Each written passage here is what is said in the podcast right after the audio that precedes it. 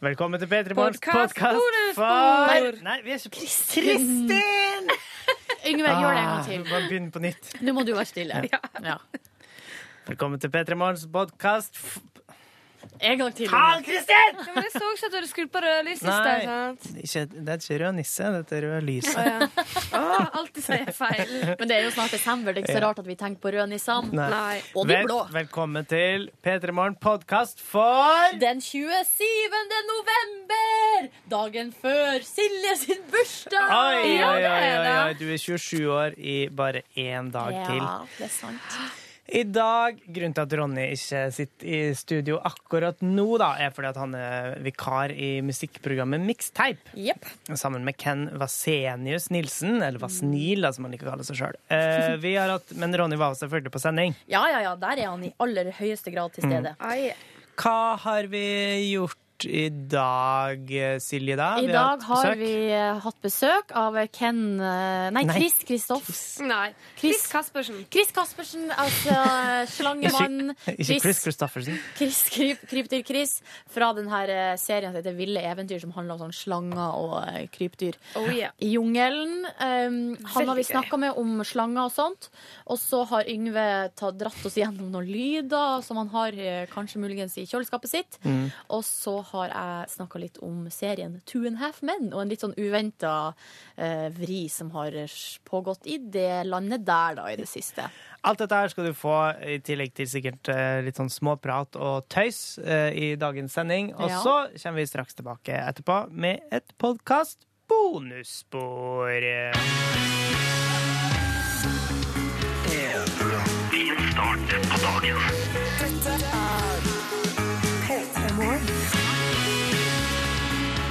Riktig god morgen og velkommen til P3 Morgen. Det er blitt tirsdag, og vi er i gang. Det er fint, det er fint å være i gang. Jeg heter Ronny. Hallo. Eh, For anledning av hvit T-skjorte. Eh, Og det er det jeg velger å ha på meg innendørs i dag, fordi nå har jeg gått ute, og det var kaldt ute, og nå var det varmt inne. Så da valgte jeg å prioritere å gå i kun T-skjorte inne. God morgen, Silje. God morgen. Sjøl har jeg på meg eh, ei rutete skjorte, og over der en eh, rød cardigan slash genseraktig ting. Ja. Jeg syns at det er ganske kaldt, så jeg beholder alt på. Ja, ja. Er det synes det er kjølig her inne nå? Ja, jeg syns det passer. Ja. Ja, passe god morgen.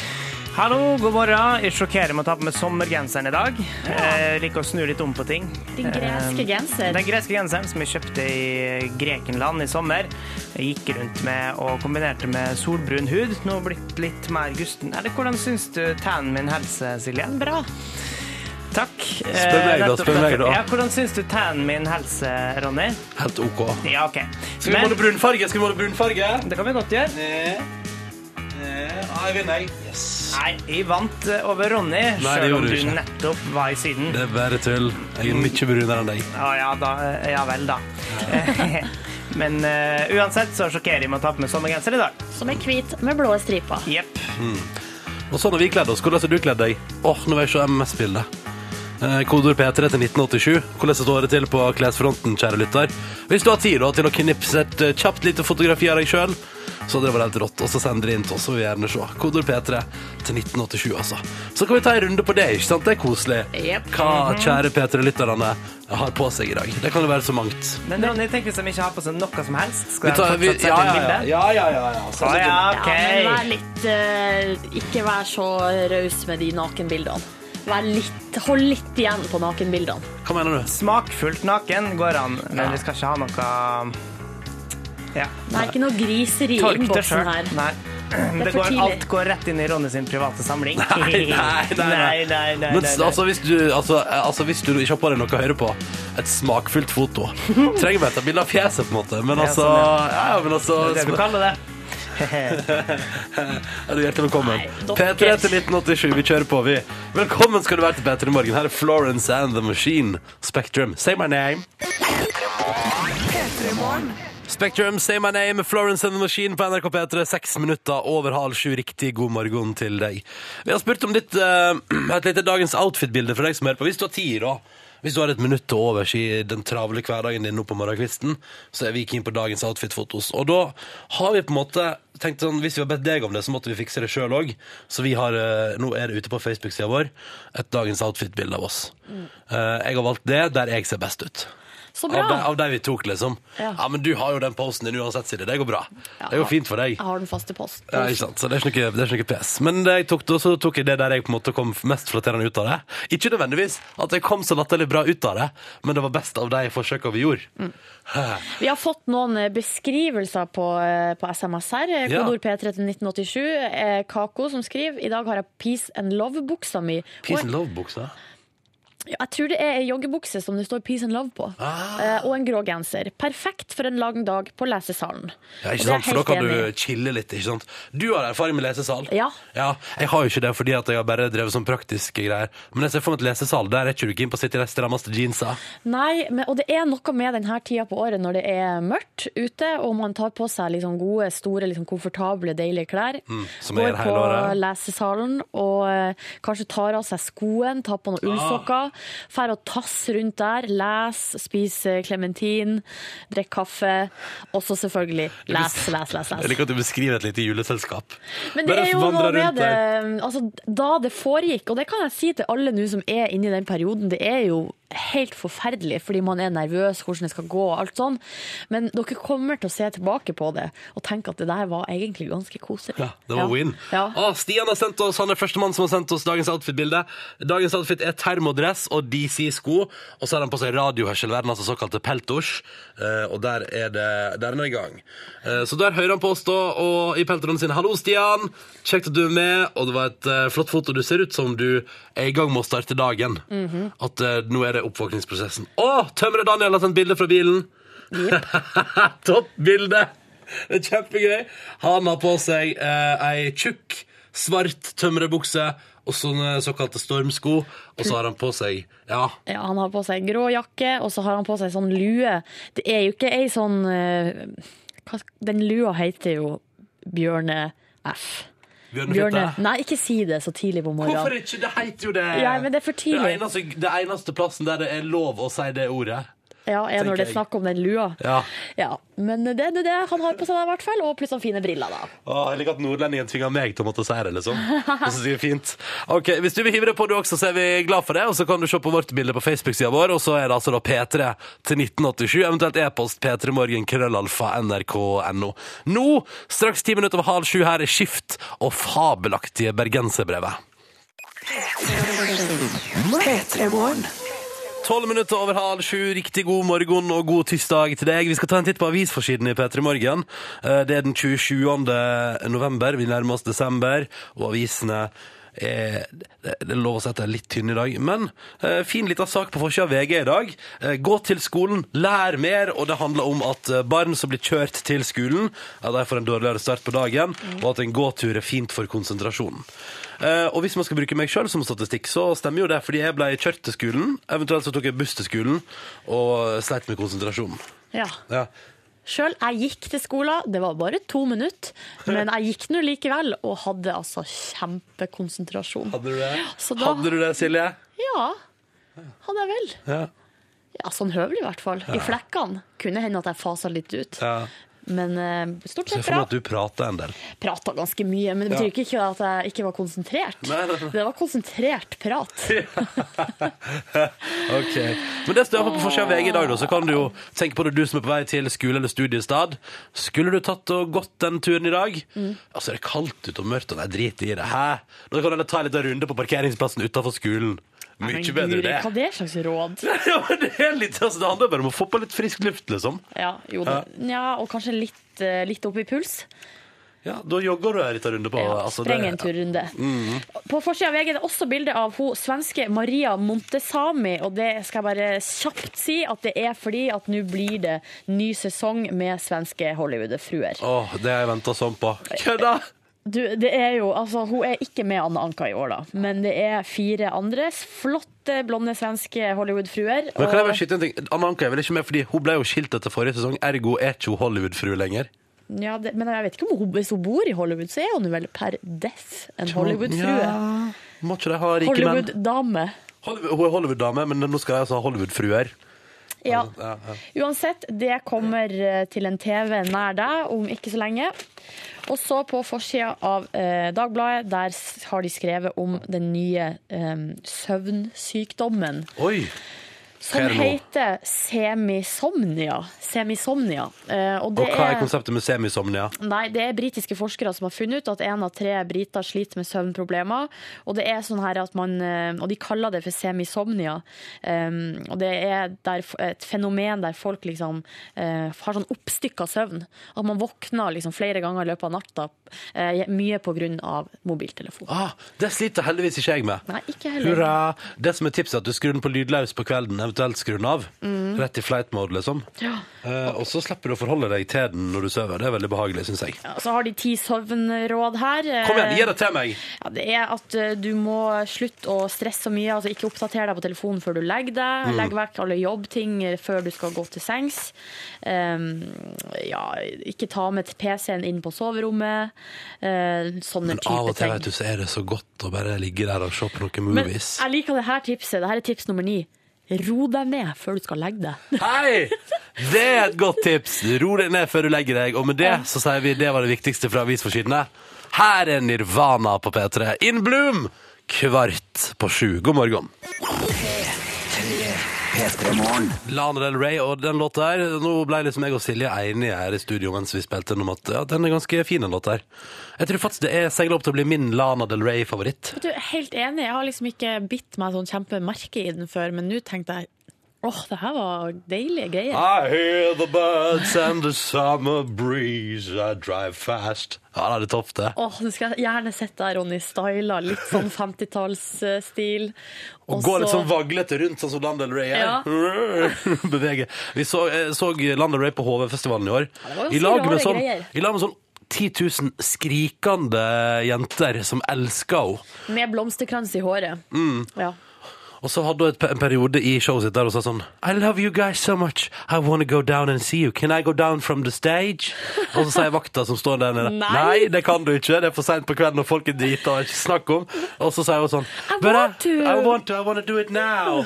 Og så bare gjør hun det. Og så er det fullt Texas. Og så tar liksom konserten da en sånn åtte minutters break der alle Ja. musikerne står liksom og jammer litt sånn jazz i bakgrunnen, mens hun driver og vaser rundt nede i Det var sikkert veldig artig for de som sto helt fremst og fikk tafs litt på Lana Del Rey. For oss som sto helt bakerst, så var det ikke så artig. Nei, da var det litt sånn Ja, hvor lang tid skal vi bruke på dette? Ja.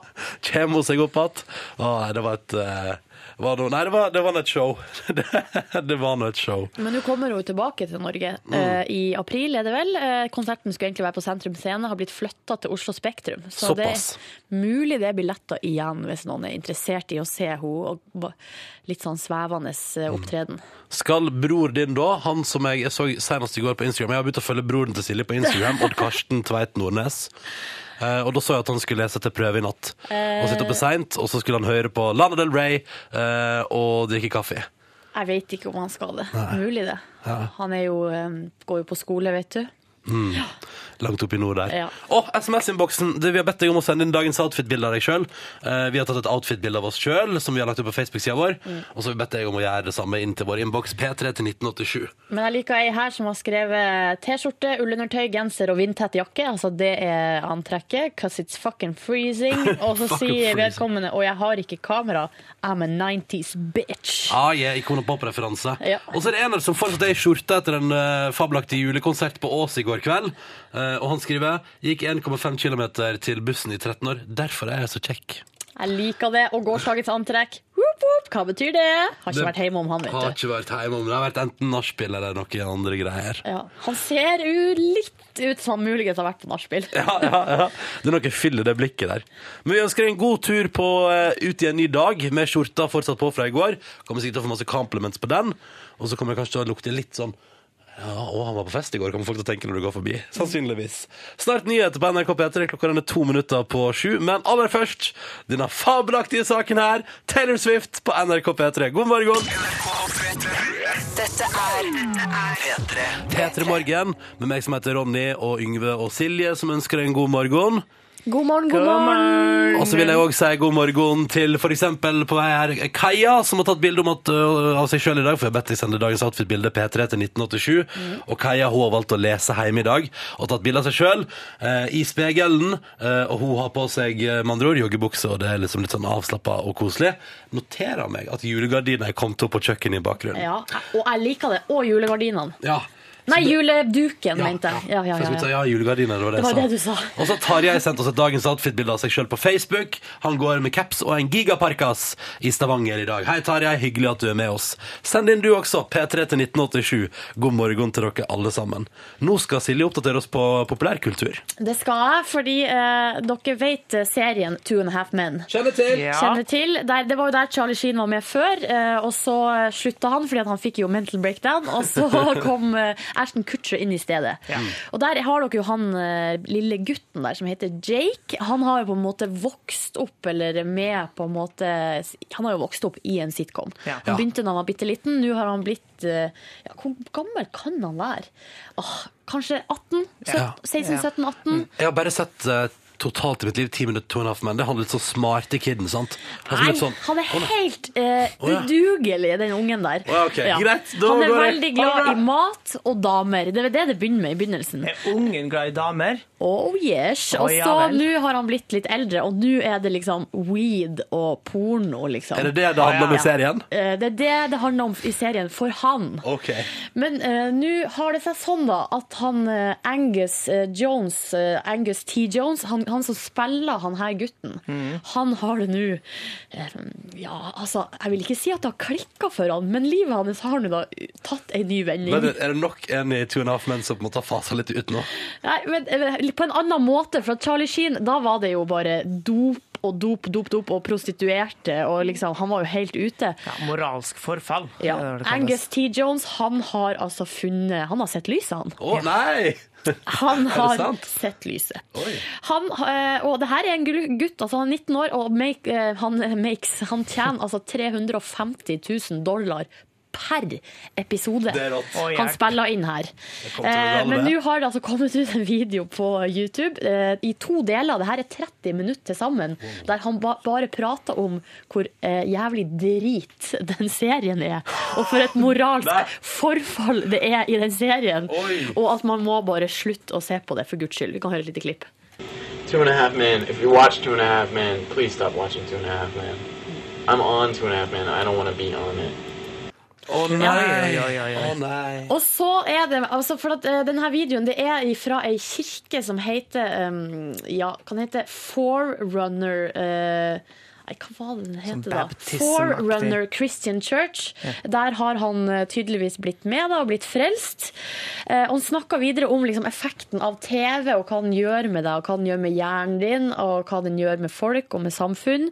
Eh, og så snakka han også videre om en slags um, Ja, det, det virka som at, at uh, djevelen er involvert i noe, på noe vis. Just watch out. Watch out, because a lot of people don't like to think about how deceptive the enemy is. It's way more. He's been doing this for a lot longer than any of us have been around. So we can't play around. There's no there's no playing around when it comes to uh, it's Dette er svada. Ja. Dette er svada. Ja, det er det. Ja, men, høres og det her, selvfølgelig sånn går det i 30 minutter. Ja. Eh, og det er noe av det er ganske dårlig filma, eller du hører det er litt sånn dårlig lyd og sånn, men noe av det er litt sånn der fint filma. Det er noe sånn eh, profil og litt sånn drømmende, eh, ser det ut som, aktig.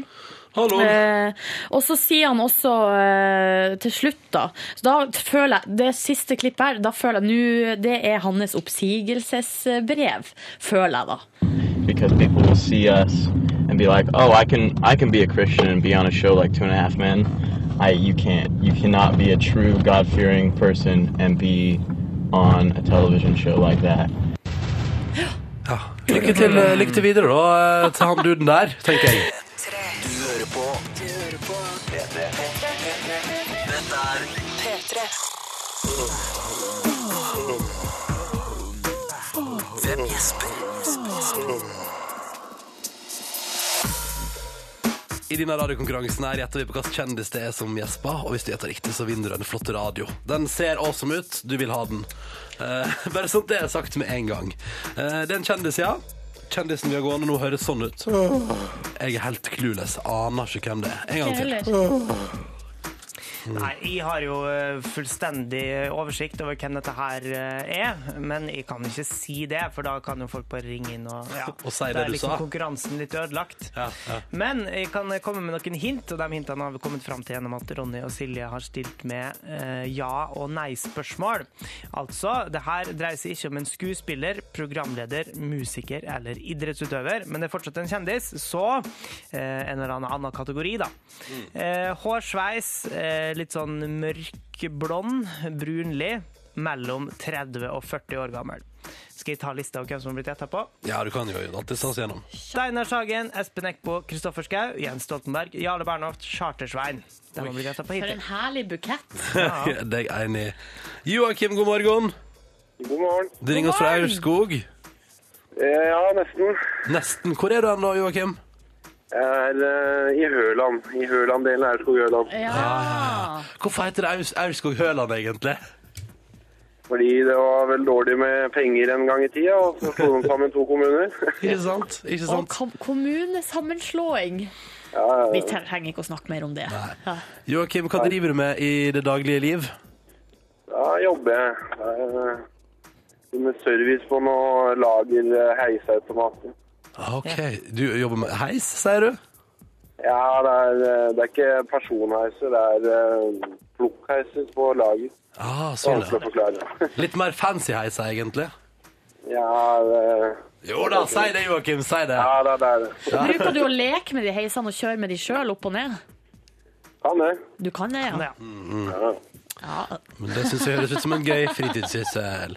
Um, Joakim, du har ringt oss fordi du vil være med og gjette på hvem det er som gjesper. Og før vi gjetter, så må jeg bare spørre deg. Jeg, jeg har virkelig ikke peiling. Har du? Altså, Har du en god magefølelse? Jeg hadde det, men så var det den der med 30 og 40 år, så jeg er redd for å støte noen da. Å ja. Oh, men vet du hva? Du får lov å støte så lenge det kan gi deg en radio, som jeg pleier å si. Hvem er det som gjesper? Jeg synes eh, det har kommet en del subtile hint om eh, hårfargen. Um, og da har det blitt sagt sånn som Yngve, så jeg tror jeg sier Yngve. Du går for at Yngve Hustad Reite som gjesper i vår konkurranse. Gjespegeneralen sjøl. Eh? Gjespegeneralen sjøl. Ja, det kan jo hende. Du, det hadde vært ganske gøy hvis Yngve hadde lagt inn et gjesp på seg sjøl. Det er toppen av frekkhet, syns nå jeg, men OK. Spørsmålet er Er det Yngve Hustad Reite som gjesper i vår konkurranse. Yngve, er det du som gjesper i vår konkurranse? Nei, Nei, det er okay. ikke jeg som eh, gjesper i vår konkurranse. Hvor gammel er du, Yngve? Jeg er 29 år gammel. Men det er nesten. Men Det det her er jo første gang noe har vært omvendt, for det, det er jo stadig, blir jo stadig tatt for å være litt yngre. Nei, gratulerer. Hvis jeg legger på polet, for eksempel. Du må det, ja. Nei, jeg gjør jo ikke det sånn stadig vekk, men de gangene jeg, jeg gjør det, så tenker jeg ja ja, men det finnes i hvert fall en person på Aurskog Høland som mener at jeg ser ut som jeg er mellom 30 og 40 år. Det var ett år, da. Så. Ja da, helt i orden. Jeg blir aldri fornærma for slike ting. Joakim, takk for at du ringte, ha en deilig dag på jobb. Likeså. Ha det bra. Ha det, Joakim. Ok, altså, Jeg har jo lyst til å tippe videre på yrket, jeg, da. Jeg har jo det. Ja, men, gjør eh, det, så vet da. ikke om, ja, men ok, Er det en politiker, Yngve? Uh, nei, det, det kan jeg ikke si at det er. Kødder du? Ikke en politiker. Uh, nei. Men du, ikke- men du dro litt ikke drar personen- på det. Du drar Nei, på det. nei jeg, Sitter han i kommunestyret, jeg da, begynte plutselig å se for meg personen her i eh, en politikersammenheng, og det tror jeg ikke ville vært så veldig bra. Å ja, OK, da ok. skjønner vi. Ja, ja. skjønner hva jeg mener? Da skjønner vi hva du mener. Da er det vel en eller annen fjasete fyr. Ny sjanse på å gjette på hvem som gjesper i morgen. Nå skal vi spille ekstremt feit musikk på morgenen til deg. Fire minutter på halv åtte. Her er Mew. P3. Dette, dette Dette er P3. Dette var Lido Lido og Josef det, og Turn Up The Life på NRK P3 P3 Morgen, seks minutter over halv åtte. God morgen, god morgen og god tirsdag. Jeg heter Ronny, og Silje Nordnes står her i sin røde cardigan slash genser. Yngve sin hvite og blå stripe yep. fra Grekerland. Det er ikke en cardigan, da. Det er bare en vanlig genser. Mm, og jeg står her i hvit t-shirt. Inni radioen din. Hallo, kjekt og flott å være med hvit T-skjorte i radioen din. Ja. Og så har vi jo spurt deg som hører på. Da. Det var så koselig, fordi vi har tatt et dagens outfit-bilde av oss sjøl, lagt ut på vår Facebook-side. Og så tenkte vi at hvis du har lyst, så er det alltid kjekt å se hvem som hører på. Så ta et bilde av deg sjøl hvis du har tid i din travle morgen, og send det inn til 1987 med kodeord P3. Jeg vet ikke om jeg tok den meldinga i stad, men nå har jeg fått den ikke anonym, men med navn. Det er Janne som har sendt oss bilde av, av seg sjøl i rød T-shirt av typen Nike, eh, mens det står at det er en liten morning workout på gang. Og vi kan skimte i bakgrunnen, langt bak der på bildet av Janne, så kan vi skimte et treningsapparat. Så hun er nok på et såkalt treningsstudio. Eh, og da, tusen takk for eh, bildet, Janne. Det er veldig hyggelig. Og så har vi òg fått bilde av eksempel her, da, så er det Helsingar fra eh, Biko Tømreren, som har sendt bilde av seg sjøl. Og her er det altså sti sti stikkord. Eh, tjukk jakke og peltors.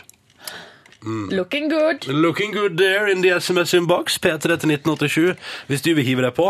Eh, Eller så kan du jo slenge ut et bilde, sånn som Tarjei har gjort på Facebook-sida vår. Der har også eh, eh, Marie Sur... eh, vi har Bare fått, si det. mm, eh, vi har også fått melding fra Marie Surballe Larsen, som syns at vi spiller god musikk i dag. Hun skriver jo fantastisk musikk i spiller i dag, så Mm. da er det helt tydelig at Marie Surballe Larsen er dansk. Mm. Kanskje dansk, altså surballe dansk er, altså det er bare en sånn høyball, for eksempel. For Mm. det er ofte litt sånn syrlig gress inni en sånn høyball. Surballe. Surballe det betyr. Så Marie er da en av de mange, jeg vil si flere hundre danske folk som eh, driver og skriver til oss på Facebook eh, fordi at de tror at vi er det danske P3. Ja. Og det er vi ikke. For det siste jeg sjekka, er vi det norske P3. Ja. Uh, og det er veldig rart, eller det som jeg tenker da, når vi har, vi har kanskje en 300-400 likes fra Danmark. Sikkert Mange av dem er sikkert folk fra Norge som studerer i Danmark, eller lignende, og som er innom oss av og til.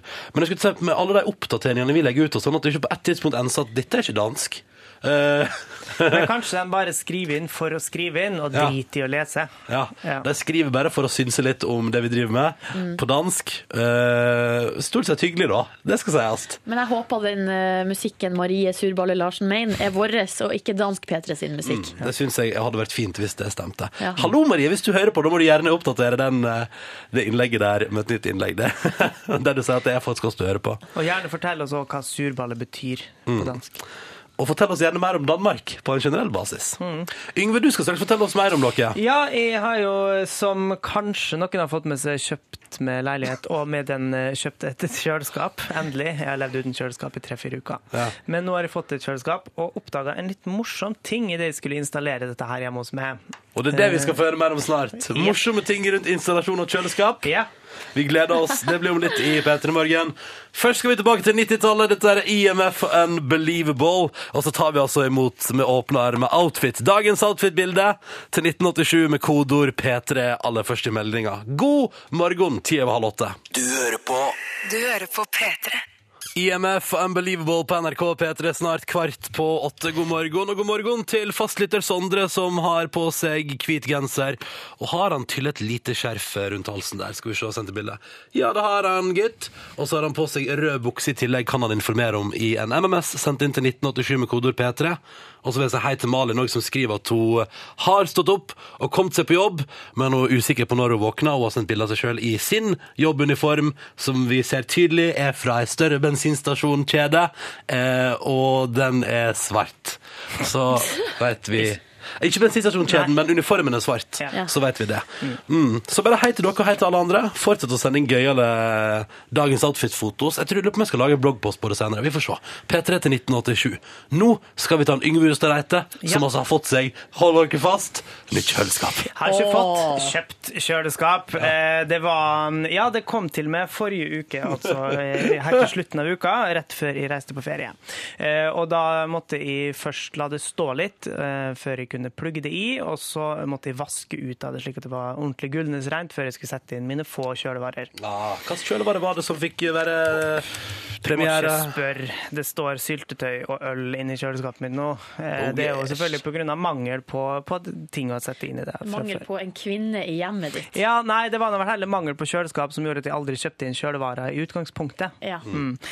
Men nå er jeg klar, og eh, mer klar blir jeg når jeg ser at jeg fikk med en liten gul lapp eh, der det er bilde av et øre, og så et sånn checkpoint. Eh, altså OK står det under øret eh, hvis det kommer rare lyder fra kjøleskapet. Oi. De har illustrert dette her istedenfor å gi ut 900 ark på russisk, svensk, tysk og dansk. Så har de tegnet fotos Så har de tegna og eh, illustrert altså forskjellige lyder som kan komme fra mitt kjøleskap. Altså, nå gleder jeg meg sånn til å høre litt, da. og det at det står OK, det betyr at, at Ja, det de gjør på- ingenting. For eksempel da, Silje. Ja. Eh, bra at du spør, for da kan jeg forklare litt. Okay. Hvis den lyden her kommer? Er det ei flue på kjøkkenet? Kan jeg gjerne spørre meg og si Å nei, det er bare vifta bak kjøleskapet. Ja. Den høres sånn ut. Høres den sånn ut? Ja, det, jeg veit ikke. Jeg har ikke prøvd kjøleskapet ordentlig ennå. Men det står, er det bilde av ei flue der? Det er bilde liksom? av ei lita flue som sier srr, og så sier da kjøleskapet akkurat det samme. Ja. Og hvis eksempel den lyden her kommer, en liten hæ, lysbryter, da er, det, da er det termostaten som skrur seg på. Ikke sant? Det er så greit å vite. Eh, og så hvis, hvis de lurer på om den lyden her, altså Hva er det, et eh, strykejern? dampstrykejern, da er det en sånn liten snurredings, en liten spiral, en sånn defroster eller noe sånt, som er bak på kjøleskapet. Som er liksom i full gang, da. strykejernlyd, som er en sånn dampaktig lyd. Og da er det seriøst bilde av et strykejern Da er det bilde av et strykejern som Wow, så sier hiss. Så utrolig greit. Og så den koseligste lyden er jo kanskje den her, da. Er det bilde av en kattepus? Det er en katt som strekker seg og maler og strekker seg i sola. Og da tenker jeg at nå maler kjøkkenet mitt som en katt, og da er det kompressoren Ja. som, eh, som lager lyd nederst bak, eh, bak der. Og det er ofte den som gjør at det blir litt varmt bak kjøleskapet òg. Så utrolig greit gjort å bare tegne på sånne ting. Ikke sant? Og så eh, kan man jo òg lure på om den lyden her mm, Sitter en gammel alkis på kjøkkenet ditt? Ikke sant? Og da kan det være at kjøleskapet mitt lurer meg til å ta med en drink eller annet sånt.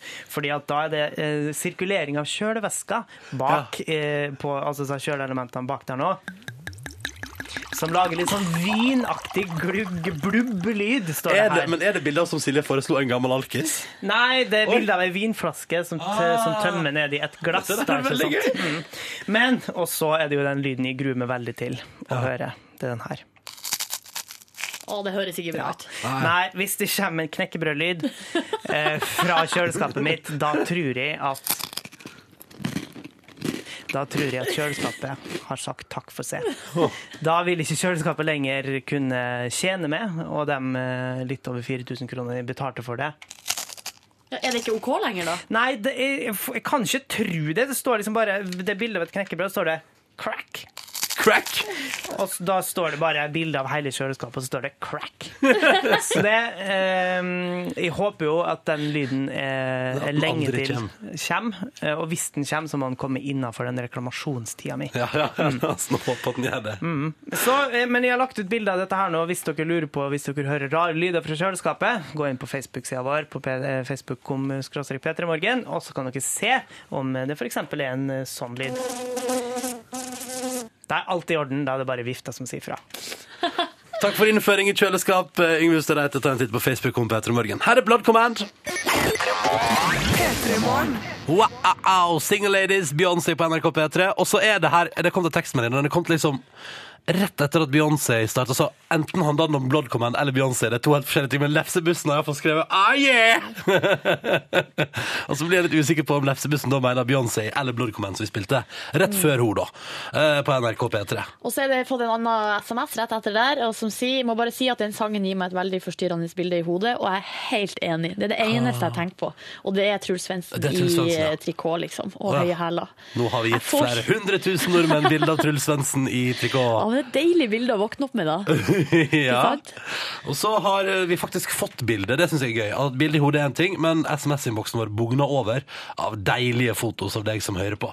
For eksempel Marthea her som skriver at hun har mattetentamen i dag, og derfor har hun gått eh, bananas og tatt på seg veldig kjempedeilige klær. Og det ser ut som det er ullgenser på gang. Eller et eller annet ullorientert, i alle fall, med flott sånn eh, mønster på. eh, som hun da er klar for å, å, ta, på, å, å ta med seg inn i tentamensland. Mm. Og det syns jeg er fint, å ta på seg litt sånn koselige ting når man skal ha sånne litt kjipe ting. Absolutt det er en bra måte å tenke. Og så har vi fått bilde av konditor Helene. Hun er en fast eh, bidragsyter her. Bruker å sende bilde av kake som hun lager vanligvis. Mm. I dag har hun sendt bilde av seg sjøl.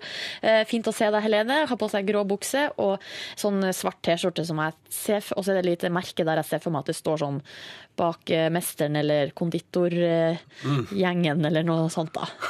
Kjempebilde fra da, nei, jeg skal se, jo Daniel Sørli her som har sendt oss eh, Han står på et bad i sin ser, Jeg mistenker jo at du jobber som snekker eller noe i den retning. Inne på et bad der, tatt bilder av deg sjøl i speilet med capsen bak fram, og ser ut som du er i godt humør, Daniel. På morgenkvisten her, det liker jeg. Eh, P3 til 1987 hvis du vil hive deg på. Du også. Det er du hjertelig velkommen til. Vi skal høre på fabelaktig musikk vi nå fram mot en nyhetsvotering, og fram mot besøk. Vi får besøk, og det gleder jeg meg veldig til. For nå blir det, nå blir det snakk om ekle ting, tenker jeg umiddelbart. Eller iallfall litt ekle ting. Um, hmm. Nei, ja, det er jo øyet som ser det. da. Ja. Vi får besøk av en mann som eh, Hva skal jeg si? Hans, eh, det han er mest opptatt av i verden, er slanger, krypdyr, ting som vi andre syns er ekle. Mm. Uh, Krypdyr Chris kommer altså på besøk til oss snart i P3 Morgen.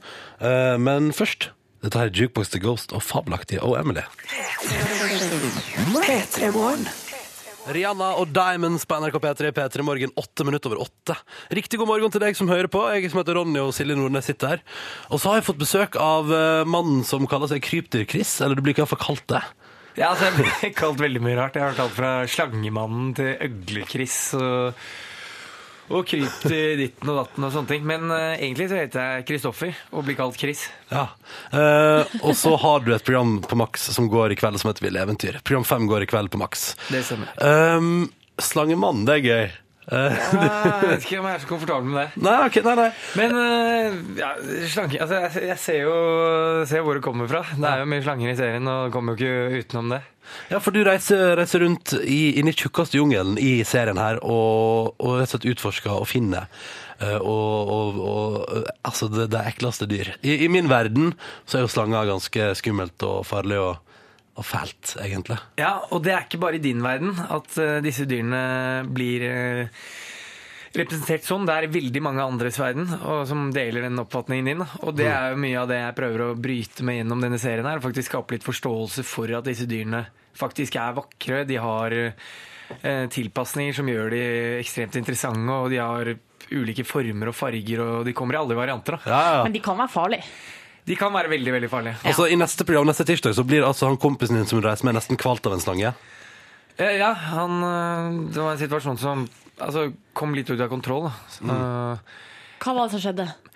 Nei, det som skjedde var at Vi uh, var på leting etter eh, disse store nettpytonslangene, som er verdens største slangeart.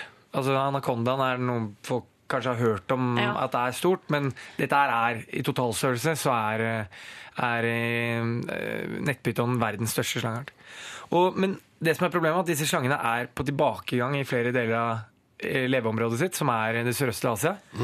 Grunnet det vakre skinnet som folk bruker til eh, skinnindustri, og, som går til moteindustrien, og kjøttindustrien. Det er dyrt kjøtt, kjøtt dette her, og masse andre ting.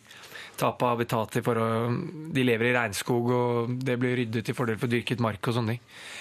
Men eh, etter hvert altså, hadde vi lett gjennom denne jungelen her og, og slitt med å finne en, en slange av Vi fant flere, men ikke av den, på en måte, den store størrelsen da, som kunne gi opphavet til at disse slangene faktisk har spist mennesker. Ja. Fordi det har de. De har det, ja? Det har de. Oh det finnes God. rapporter.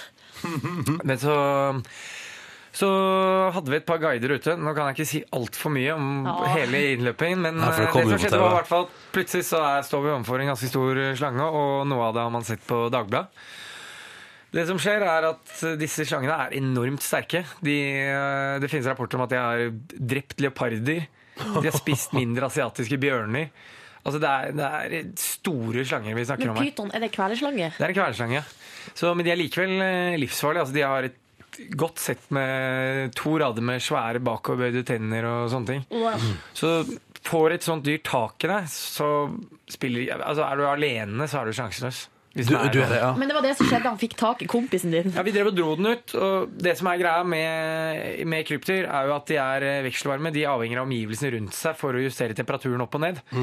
Og det vil jo også si at de har lite energi. Så de gir alt med en gang. Ja.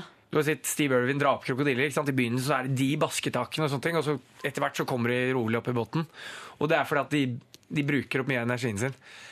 Så den, det som skjedde var at når vi dro den ut, så valgte den slangen på en måte mer eller mindre å spare energien og spille litt sånn Den spilte at den prøvde å bløffe oss, ikke sant? Og så, før jeg visste ordet av det, så lå det to sånne koiler rundt billet. Oh. Men, eh, men det er klart, altså, her står sikkerheten i høysetet, så ingen skal dø foran kamera. Minst av alt så vil vi skade den slangen. Ja, ja, ja. Vi ser på at vi gjør det. Mange syns det er dyreplager og sånne ting. Men det er faktisk eneste måten å opplyse folk om at disse slangene er eh, egentlig ikke farlige, som, selv om det kom litt skjevt ut der.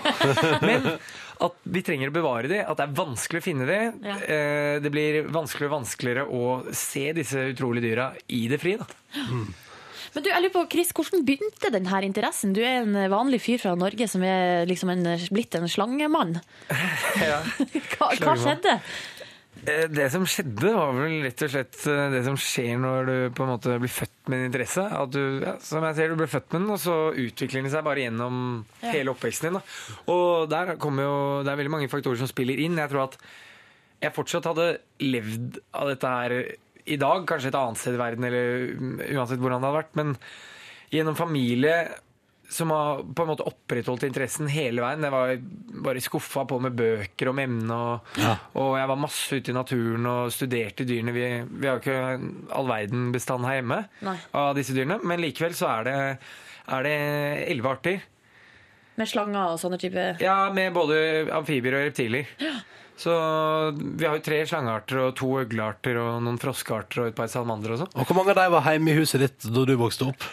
Eh, Ganske mange av de tok, ganske mange av de tok turen innom sommeren. Ja. Men eh, på vinteren, disse dyrene skal jo Altså, de er tilpasset eh, dette Dette er jo ikke eh, det krypdyr digger, kan du si, så langt nord. Så disse Nei. dyrene er jo spesialisert. De må komme seg ut i, tid, i god tid før dvale, og, Ja, ja. og de lever De har et kort kort leveår hvor de er aktive, kan du si, før de går inn i dvale og sånn.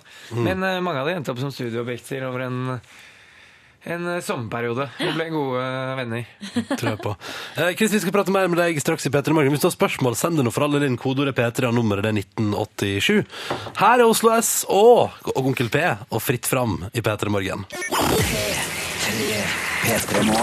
Veldig kort og enkelt og greit. Dette var Oslo S og Onkel P på NRK P3. Fritt fram etter låta 16 over 8. Eh, Chris Kaspersen er på besøk hos oss i P3 Morgen i dag. Ville eventyr gå på maks på tirsdagskveldene klokka ni. Halv ti er det. Halv ti. Eh, og du reiser rundt i jungelen da, og sjekker ut og oppdager krypdyr og slanger og det ene og det andre. Og vi fikk akkurat høre en historie om noe som man ser i neste episode, der en kompisen din blir overfalt av en litt stor og skummel slange som sniker seg rundt og har planer om å kvele han. Eh, men så går det bra til slutt, heldigvis. Eh, det må det jo gjøre på et sånt TV-program. Eh, men hvor nærme har du vært å bli drept av den typen dyr, eh, Chris? Jeg har vel aldri vært nære på å bli drept noen gang, men det er klart at jeg har, blitt bitt av et par giftige slanger som har medført, medført at jeg har blitt satt litt ut av spill i perioder. hvordan da? Nei, altså det er klart når, når du blir bitt av en giftig slange, så får du jo gift injisert rett inn i blodsystemet. Og, og den type slange jeg har vært borti, er, øh, er et par varianter som øh, tilhører altså samme familie som klapperslangene, kan du si. Ja, ja.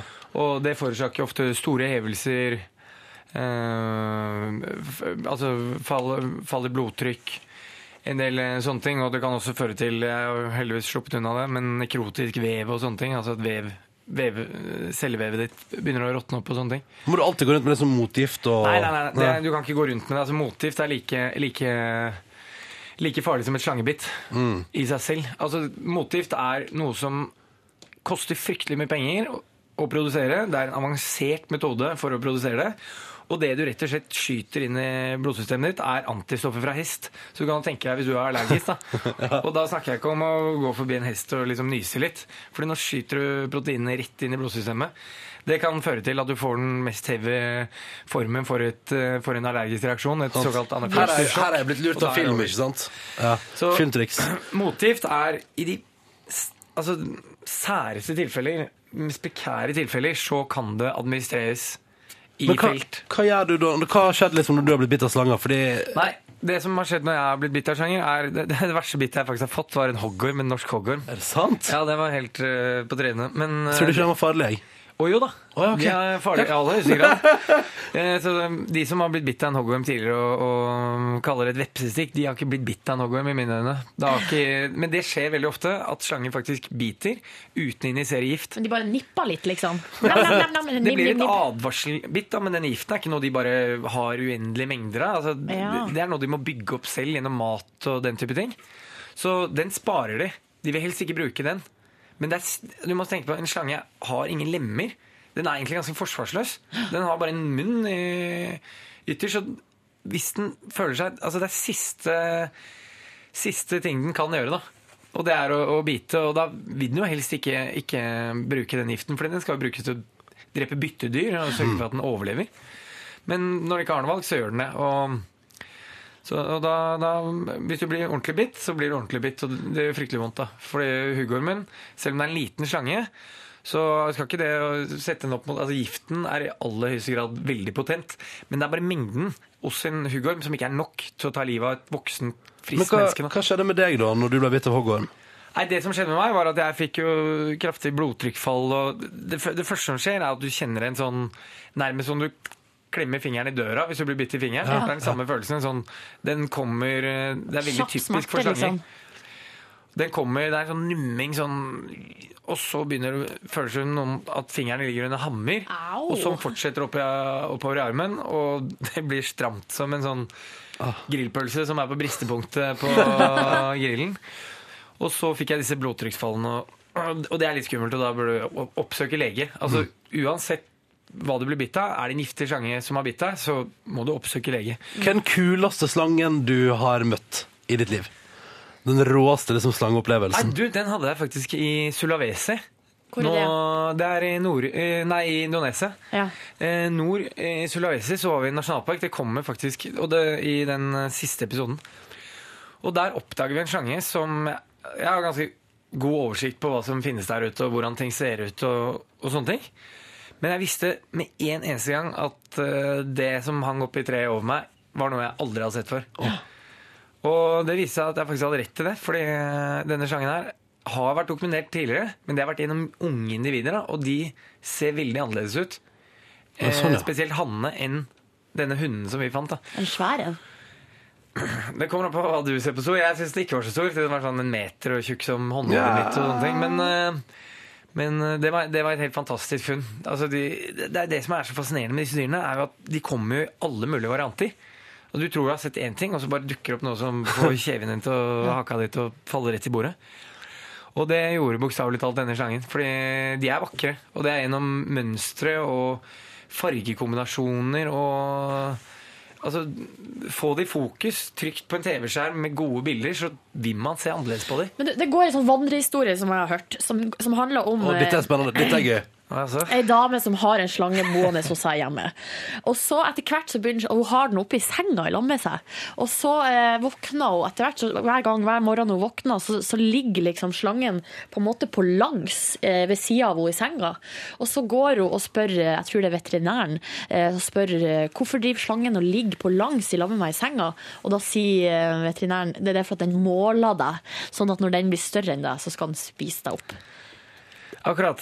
Er det sant? Nei, Den historien du forteller her, den, den eh, før i tida så hørte jeg den mer eller mindre ukentlig. Men etter, at, men, etter, men etter at dette programmet gikk på lufta, så tror jeg jeg har fått den tre ganger om dagen.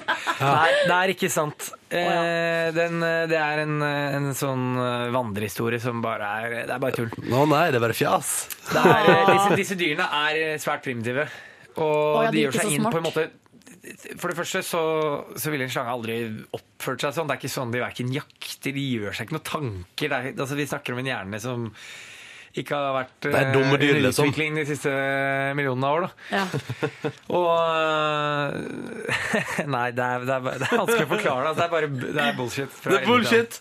Hvis du har spørsmål vil stille til Chris, send det inn kodeordet P3, nummeret er 1987. Straks skal du få anbefalt tre ting for oss, Chris, men først skal vi høre på Allo Black i P3 Morgen. Dette er en låt som heter I Need a Dollar, og den hører du på en tirsdag i morgen i slutten av november, når klokka er sju minutter på halv ni. Dette er P3. P3. Kaiser Orkestra og 1000 dråper regn på NRK P3 i P3 Morgen. Sju, snart åtte minutter over halv ni. Chris Kaspersen er på besøk hos oss i dag. Han har programmet som heter Ville eventyr på Max. Eh, eh, det er jo det macho-alibiet til TV Norge, da. Eh, på tirsdagskveldene. Der du reiser rundt i verden og sjekker ut skumle slanger og andre krypdyr. Og viser oss hvordan de fungerer og hvordan de ser ut. Eh, og så har vi spurt deg om du kunne ta med deg tre ting som man trenger på tur i jungelen eh, til Peter Morgen i dag.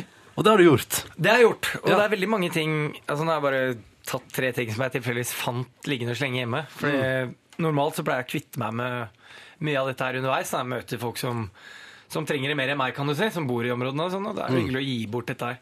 Men likevel så har jeg tatt vare på noen ting. Eh, dette er jo noe du absolutt har bruk for. Machete. Og det er en machete. Dette Oh, er en, yes! uh, dette er en lokalvariant fra Sulawesi. Den er fryktelig skarp. Du kjenner på den? Uh, jeg, jeg vet ikke, om Ronny tør ikke å ta på den. Og den er, den er veldig tung. Den er veldig tung. Fader, Den føler meg sånn kul. til Solid uh, indonesisk håndverk. Det er, det er ikke noe sånn serieprodusert møkk. Men den er ganske kort. Eller det er ikke sånn lang machete. Det er en sånn liten, Du hendig trenger sak. jo digre sverd som folk flyr rundt med, og sånne Ja. ting som ofte så tar bare ting som er nære og sånne ting. Hva er det, hva er det kuleste du har kutta med den her? Uh, jo, eh, det kuleste jeg har kutta med det der, er faktisk eh, en plante som heter stinging tree okay. i Australia. Ja. Og det er, det er en plante som faktisk kan drepe deg. Det er en, gift, en, en plante som faktisk ikke angriper deg, men hvis du er borti den i kantene på bladene, Ja. Så så, sitter det bitte små, små harpuner, nærmest. Du kan ikke se det annet enn mikroskop.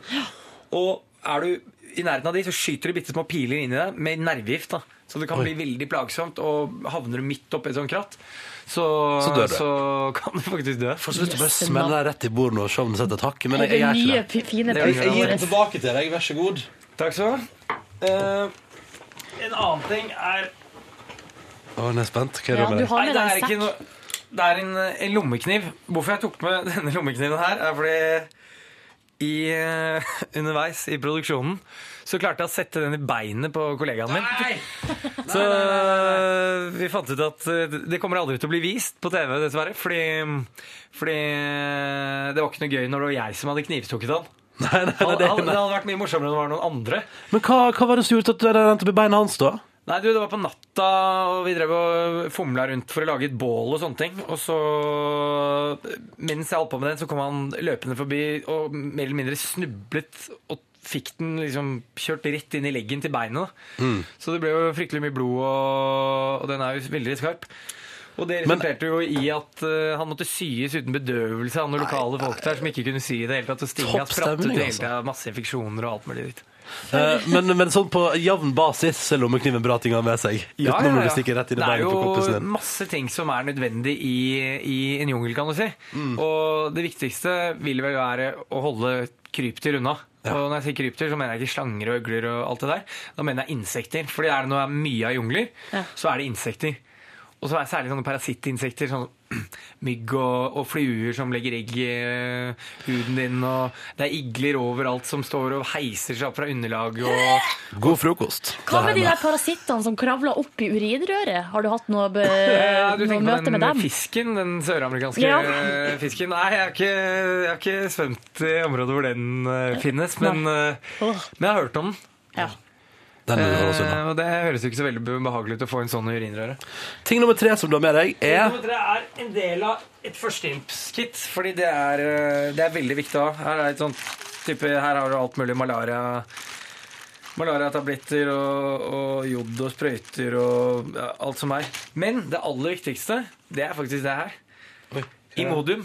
Og magetabletter. Magetabletter. For før eller seinere, det er ikke et spørsmål om når, det er bare et spørsmål om det kommer til å skje. Fordi det gjør det. Ja, det er det. Og, og det må du ha. Det må du ha. Fordi du er i en jungel hvor eh, ting er Det er fuktig, du er alltid våt uansett. Klærne dine er alltid våte, huden din er alltid fuktig. Og du er mer eller mindre helt ja, dehydrert. Og da er det ikke så veldig bra å få diaré, Fordi da blir du dehydrert altså, mye Ja. mer. Men hva med sånn drømmer? Har du drømt noe rart i sånn malariatablettrelatert? Jeg hører enkelte blir jo helt ko-ko av de tablettene. Ja, det finnes et par varianter på markedet nå. Og den ene som er på en måte den beste, og den- som men da også den dyreste. Så det er ikke noe sånn for folk som skal oppholde seg flere år i områder. Ja. Det kan bli dyrt i lengden, men det er den malaronene som er på en måte bivirkningsfri. Ja. Men det du tenker på, er ofte den Lariam som er sånn Ja. backpack i malariaen. den billigste og den kjipeste. Og jeg, jeg har ikke hatt noe sånt Jeg har fått litt sånn følelser av Du har våknet opp litt sånn nedbrutt og ikke vært helt happy, selv om du befinner deg i et område som, hvor alt tilsier at du burde vært drithappy. Da. Så Men eh, nei. Det er, eh, det er Jeg mener at eh, å bruke tabletter er vel og bra, men eh, du kan også gjøre en, ta en del egne forhåndsregler. Du kan dekke deg godt til, gå med mørke Mm. klær om, om kvelden og sånne ting. Så ordner det seg. Så går det som regel bra. Pass på at myggnettet er sikkert og sånne ting. Ja, ikke sant. Chris, eh, takk for tips. Machetekniv kniv og førstehjelpsskrin, og da en liten lommekniv. Bra ting å ha med seg på tur. Straks skal du få svare på spørsmål fra lytterne. Den din. Kodeordet P3 og nummeret 1987 hvis du som hører på har lyst til å joine inn der. Så tar vi deg etterpå. Først ny musikk fra Alfred Hall på P3. P3. Du hører på. Du hører på. P3. Er P3. Eh, Chris Kaspersen er på besøk hos oss i eh, P3 Morgen i dag. Han har programmet Ville eventyr på Max på tirsdagskveldene. Eh, og det vet du hva, det hagler altså inn med spørsmål til deg i SMS-innboksen vår.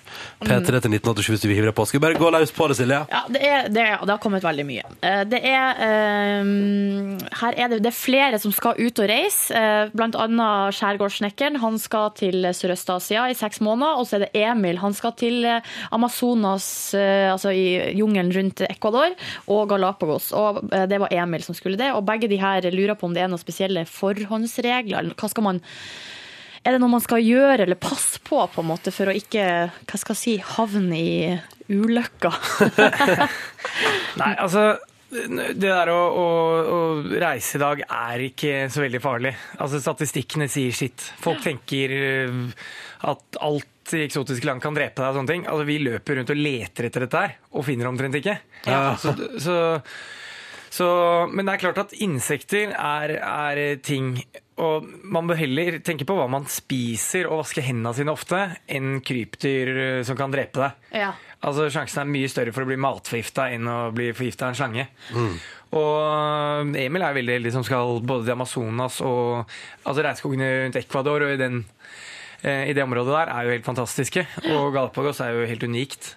Så, men uh, Men hva, er det noen sånne enkle triks? Sånn, rist skoen i fall du har en edderkopp i skoen. Sånne type enkle ja, så det kan Det jo hende. jeg hende. Jeg har aldri opplevd dette selv. Jeg har jo hørt og lest om, om disse tingene. Men det er, det, er, det er ting jeg ville vært mer bekymret for i Australia, f.eks. Hvor, Ja.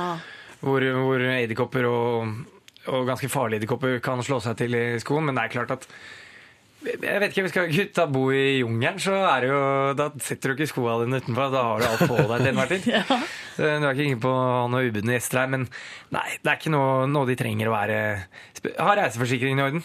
Ha reiseforsikring i orden! Det er det beste tipset. Det er det beste tipset. Jeg er Så er det, mm, da er det en her som, eh, som er anonym, men som lurer på hvordan, altså hvordan har du fått denne jobben? på en måte? Hva har du av, Er det noe utdannelse? Nei.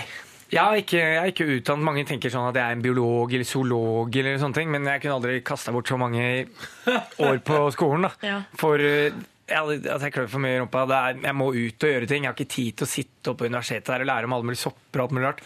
Altså, jeg, jeg reiste bare ut jeg, og banka på en dør i Australia en dag. Ja. Og det var tilfeldigvis Australian Reptile Park. Fikk en, fi, fikk en jobb der. Og så gikk det derfra videre rundt omkring i verden og alt mulig sånt. Men du har jobba mye med Ja, de dyra jeg du med disse, Ja. disse dyregruppene. Og, og da jobber vi med alt fra gifteslanger, store krokodiller Men hva er det du gjør da konkret? på en måte? Hvilke jobber er det? Nei, det kan innebære Hvordan får man betalt liksom, for å drive og leke med de dyrene? Nei, det er mange varianter. I, I Costa Rica så jobbet jeg på en, eh, en slangepark hvor de jobbet med, med gift. Ja. Og giften gikk til universitetet i San Jose. Da du Biologi- samla gift, liksom? Ja, samla gift der. Ja. Og, og da var jeg helt ny, og sånne ting, og det var en av de gangene jeg også ble bitt når vi drev og holdt på ta et litt sånn nakkegrep på disse mindre slangene som ikke er store nok til å spise selv ennå. Liksom, du må tvangsfòre det litt og dytte ting ned og sånn. og så. Oi.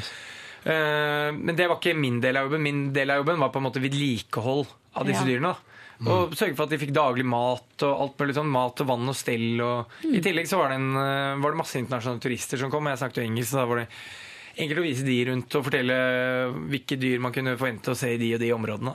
Så hvis folk er interessert i, eh, i sånn her type sånn dyr og sånn, så da vil du anbefale at man reiser ut og kanskje Ja, altså, prøv å gjøre noe ut av interessen. Jeg, jo, jeg ble lei av å reise ut kan du si, og komme tilbake igjen og ha sånne strøjobber. Så da, jeg valgte å prøve å da gjøre noe ut av interessen. Hva, hva, hva kan jeg gjøre noe ut av min interesse? Jo, jeg kan lage TV-program av det. Mm, ja, Jeg kan dele med andre, og så kan det bli yrket ditt. Så hvis man har en interesse, en sterk interesse innenfor et felt, så ikke sett begrensninger for deg selv. Prøv heller å se alle mulige muligheter. Det er ikke sånn at hvis du interesserer deg for dyr i dag, så er det tre ting du kan bli i Norge.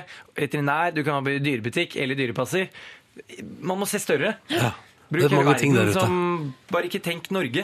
Mm. og så er det en siste ting. Det er veldig mange som lurer på det her, og det er jo det at det er ulovlig å ha eh, reptiler og slanger og sånn i Norge. Eh, Men at det, er muligens noe som er på gang der i det området. Hva er det som skjer egentlig? Det som skjer, er at per dags dato så er det helt ulovlig å ha eh, noen form for krypdyr. Det vil være seg amfibier eller reptiler. Idiotisk lov. Bare noe Å, ja, okay. ok, ok. Det er klart at det skal være begrensning for dyreholdet. At Vi skal ikke ha gifte, gifte livsfarlige slanger inn der, eller, eh, eller svære, svære kvelerslanger som, som folk ikke har plass til å ha. Og Som de går kveila seg rundt i barn går og kjøper dette her og, når det er bitte smått. Men det som skjer, er at det er opp til Landbruksdepartementet nå Ja. å ta en avgjørelse. Eh, Norsk herpetologisk forening, som er interesseforeningen, anbefaler alle som har en interesse for disse dyrene, å bli medlem der og støtte opp det viktige arbeidet de gjør. De har eh, laget en positivliste på 30 arter på eh, vegne av Mattilsynet, som styrer med dette. her. 30 arter som på en måte skal være 30 ålreit å ha. arter som det ligger en del altså der skal dyr, det, det skal være godkjent innenfor dyrevelferd, de skal ikke være viltfanget, alle sånne viktige ting. Da. De skal ikke være farlige, ikke minst. Ikke sant? Og de skal ikke tåle stress og berøring og, og, og, det, og den type. Da. Så får vi se hva som skjer. Så får man se hva som skjer. kanskje en høring til våren? Ja, over nyåret. Så, men jeg kan ikke love noen ting. og håper jo at det blir lov. At det blir lov å ha litt forskjellig. Eh, Chris, du skal få lov til, helt på tampen her, som det siste vi er eh, Vi skal gjerne svare på alle spørsmål som kommer inn. Vi har ikke tid. Vi må gå videre til spørsmålsruletten vår. Og det er en sånn liten gøyal ting på tampen her, så nå har Silje en bolle. Du Må ta på deg headset. Du må ta på headset. For nå skal du eh, oppi denne bollen her, som Silje har, snurre i gang ruletten. Så ligger det mange papirlapper, og du skal trekke trall, og så skal du få spørsmålet som skjuler seg bak. OK? ok Seks. Seks, Spørsmål nummer seks. Det aner ikke hva er, men her kommer det. Er du klar? Da kjører vi. Fortell om første gang du klinte. Oi, spennende. Første gang Skal vi se Ja, få høre. Åh. Det tror jeg var på Grimbakken barneskole i fjerde klasse på en sånn garasjefest hos en kompis av meg. Garasjefest i fjerde klasse? Ja, ja, Helt inn i et hjørne, og det var skikkelig dårlig. Men eh, hvem var den utkårede? Nei, jeg skulle ønske det var alkohol inne i bildet, men det var ikke så tidlig. Men jeg, jeg husker det likevel ikke. Nei. Så Du er blacka ut, rett og slett.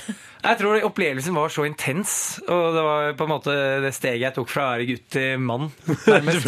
Det føltes sånn ut på den tida. Ja, det føltes sånn ut da. Det er, jeg kom hjem helt euforisk, i hvert fall. Alt var Men det var, men det var dårlige greier?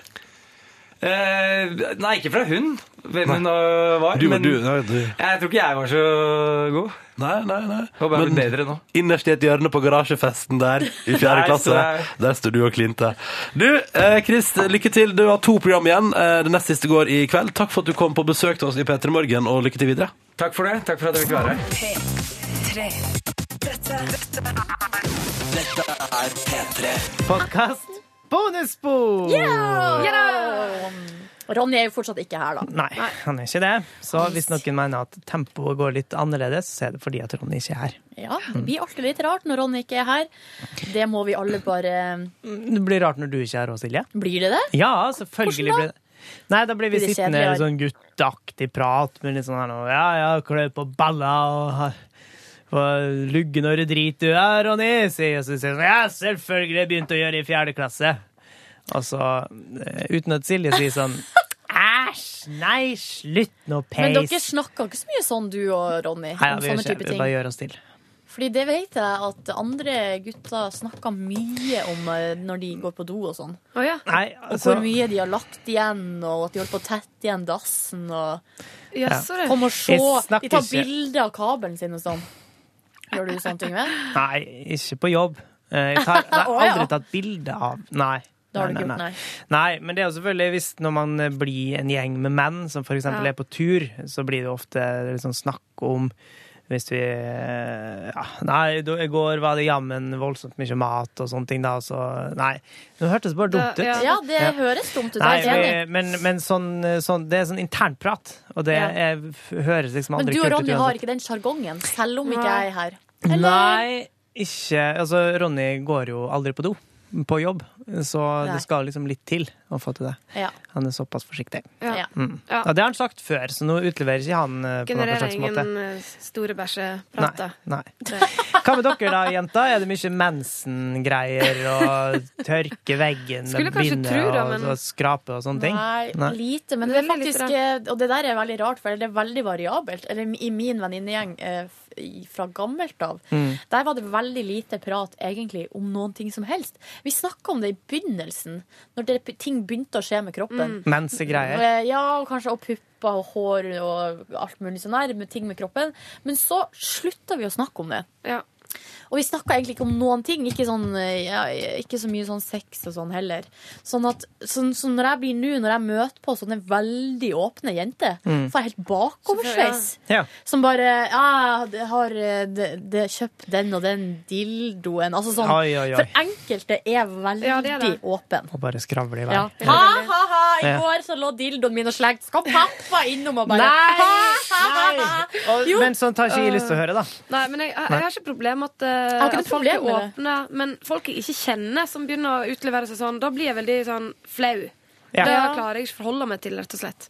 Det synes jeg Jeg syns det er litt artig å møte Jeg sånne folk, fordi kan- det er så uvant. Ja, jeg Ja, kan ha problemer med folk som er åpne hvis de, jeg merker at de ikke Altså, de mener det ikke helt. Altså, de er egentlig ikke sånn og gjør seg litt til, kanskje. Oh, ja. Litt sånn tilskrudd versjon av seg sjøl. Men også, det skjedde på en fest en gang. Da var ei venninne av meg inne på do med ei ukjent jente. Ja. Eh, Det, kan man, eh, og det har jeg også gjort. Plutselig så går man på do i lag med vilt fremmede folk. Ja, ja, ja. Um, I samme rom. Ja. Um, jeg vet ikke hvorfor vi gjør det, men vi gjør nå det av og til. Ja. Og så uh, tissa venninna mi først, uh, så var det ikke noe papir der. Men det var nå greit. Og så gikk hun andre på do, og da kom det visst litt mer. Å ja. Nei, Og gikk nei. for nummer to, eller? Hæ? Men, men ikke mens du var der? Nei, det var venninna som var på Ja. Oi, oi, oi. Og det, var- det det som var, også, og det som var, var at hun var så utrolig åpen. Oi! Altså, hadde det vært meg, jeg hadde skamma Da hadde jeg Nei! Å ja, det var ikke med vilje? Nei, nei, Nei, Eller sånn Null kontroll. Nei, men det var jo kanskje ikke null kontroll, Åh. men det var jo kanskje ikke helt Ops! Det var jo ikke helt planlagt kanskje at det skulle skje når hun hadde med seg noe Eller kanskje, kanskje hun ikke brydde seg. Det var det som var Det var så åpent, da. Kanskje, Ja. var det, kanskje hun faktisk planla at nå skal jeg ta med noen inn og drite. Så ser vi hva som skjer. Men det syns jeg Det høres jo veldig befriende ut da å bare være helt sånn her Yeah, whatever. Sånn er det. det sånn funker kroppen. Men det skulle er jo du ønske at du var sånn? funka. Eh, nei, jeg, men jeg kunne ønske jeg var litt mer Og jeg kan være veldig til forknytt i forhold til min egen Men kropp. jeg har en venninne som eh, bor sammen med ei annen jente, Ja. som liker å sove med soveromsdøra åpen. Og det er sånn uavhengig av om hun har hatt med seg noen hjem. Oh. Så når venninna mi kommer hjem eh, kanskje på en sen lørdagskveld, eller noe sånt, så kan hun ligge der inne og si sånn 'hallo', og så tror jo da venninna mi at da er hun der alene, så hun var eh, to ganger i hvert fall titta inn for å liksom si sånn 'hei, hei, hvordan er din kveld?' Ah! Ligger de og har seg? Der ligger de, liksom. Ja. Og, og, og Eller bare den forskremte gutten ja, Hun sier ikke 'hallo' mens de har seg, liksom, men hun har, en gang så har hun gått forbi mens de hadde seg. Fordi at det, du går inn i gangen, og så er soveromsdøra til hun Men det er en ny type Åpen hver gang, da? Er det, det er ikke typen? Altså Nei, kjæresten? typen, for da ville jo sånn- jeg gått og lukka døra. Ja, nei, det er nye, ja. Ja. Eh, ja. Som ikke veit om dette her, da. Nei, det, det, de må jo sikkert synes det er like ubehagelig at hun plutselig har døra åpen. Jeg vet ikke, kanskje ikke de har lagt merke til det. på seg. Nei. Men venninna mi syns i hvert fall at det er et megaproblem, så jeg tror hun har tatt det opp nå.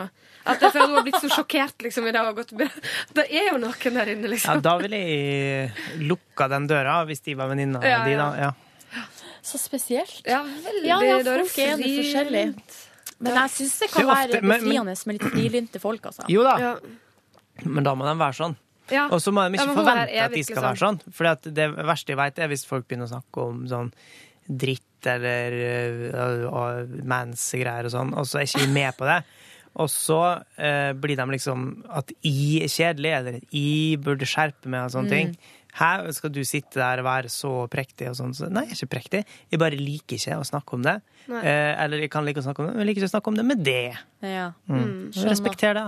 Mm. Ja. Men det er mange jeg kan like å snakke dritt med, altså. ja, riktig. Men det må komme naturlig. Det må komme For naturlig. en runde. Ja.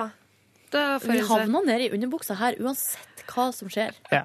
Er det min feil? Er det sånn når jeg ikke er her? Eh, Det var det du spurte om om hvordan ting var når du ikke var Men det er jo aldri sånn Men det er i hvert fall sånn når Ollie er her. Ja, ja, jeg tror det er sånn uansett, Om, du. om man ikke snakker om underbuksa til noen, så tar han på underbuksa til noen. Olje, ja. Ja. Han er tafsete, altså. Han er veldig fysisk fyr. Mm. Han er det. Barn right, etter faren. Dere, skal vi ta Alle er oss jo og på en liten ferie nå. Hvor var han? eh? Amsterdam? Amsterdam? ja. Amsterdam. Folk kan følge ham på Instagram. Ja, det vil jeg gjøre. Olli Wermskog. Mm. Ja. Men dere Og legg merke til eh, taggingen.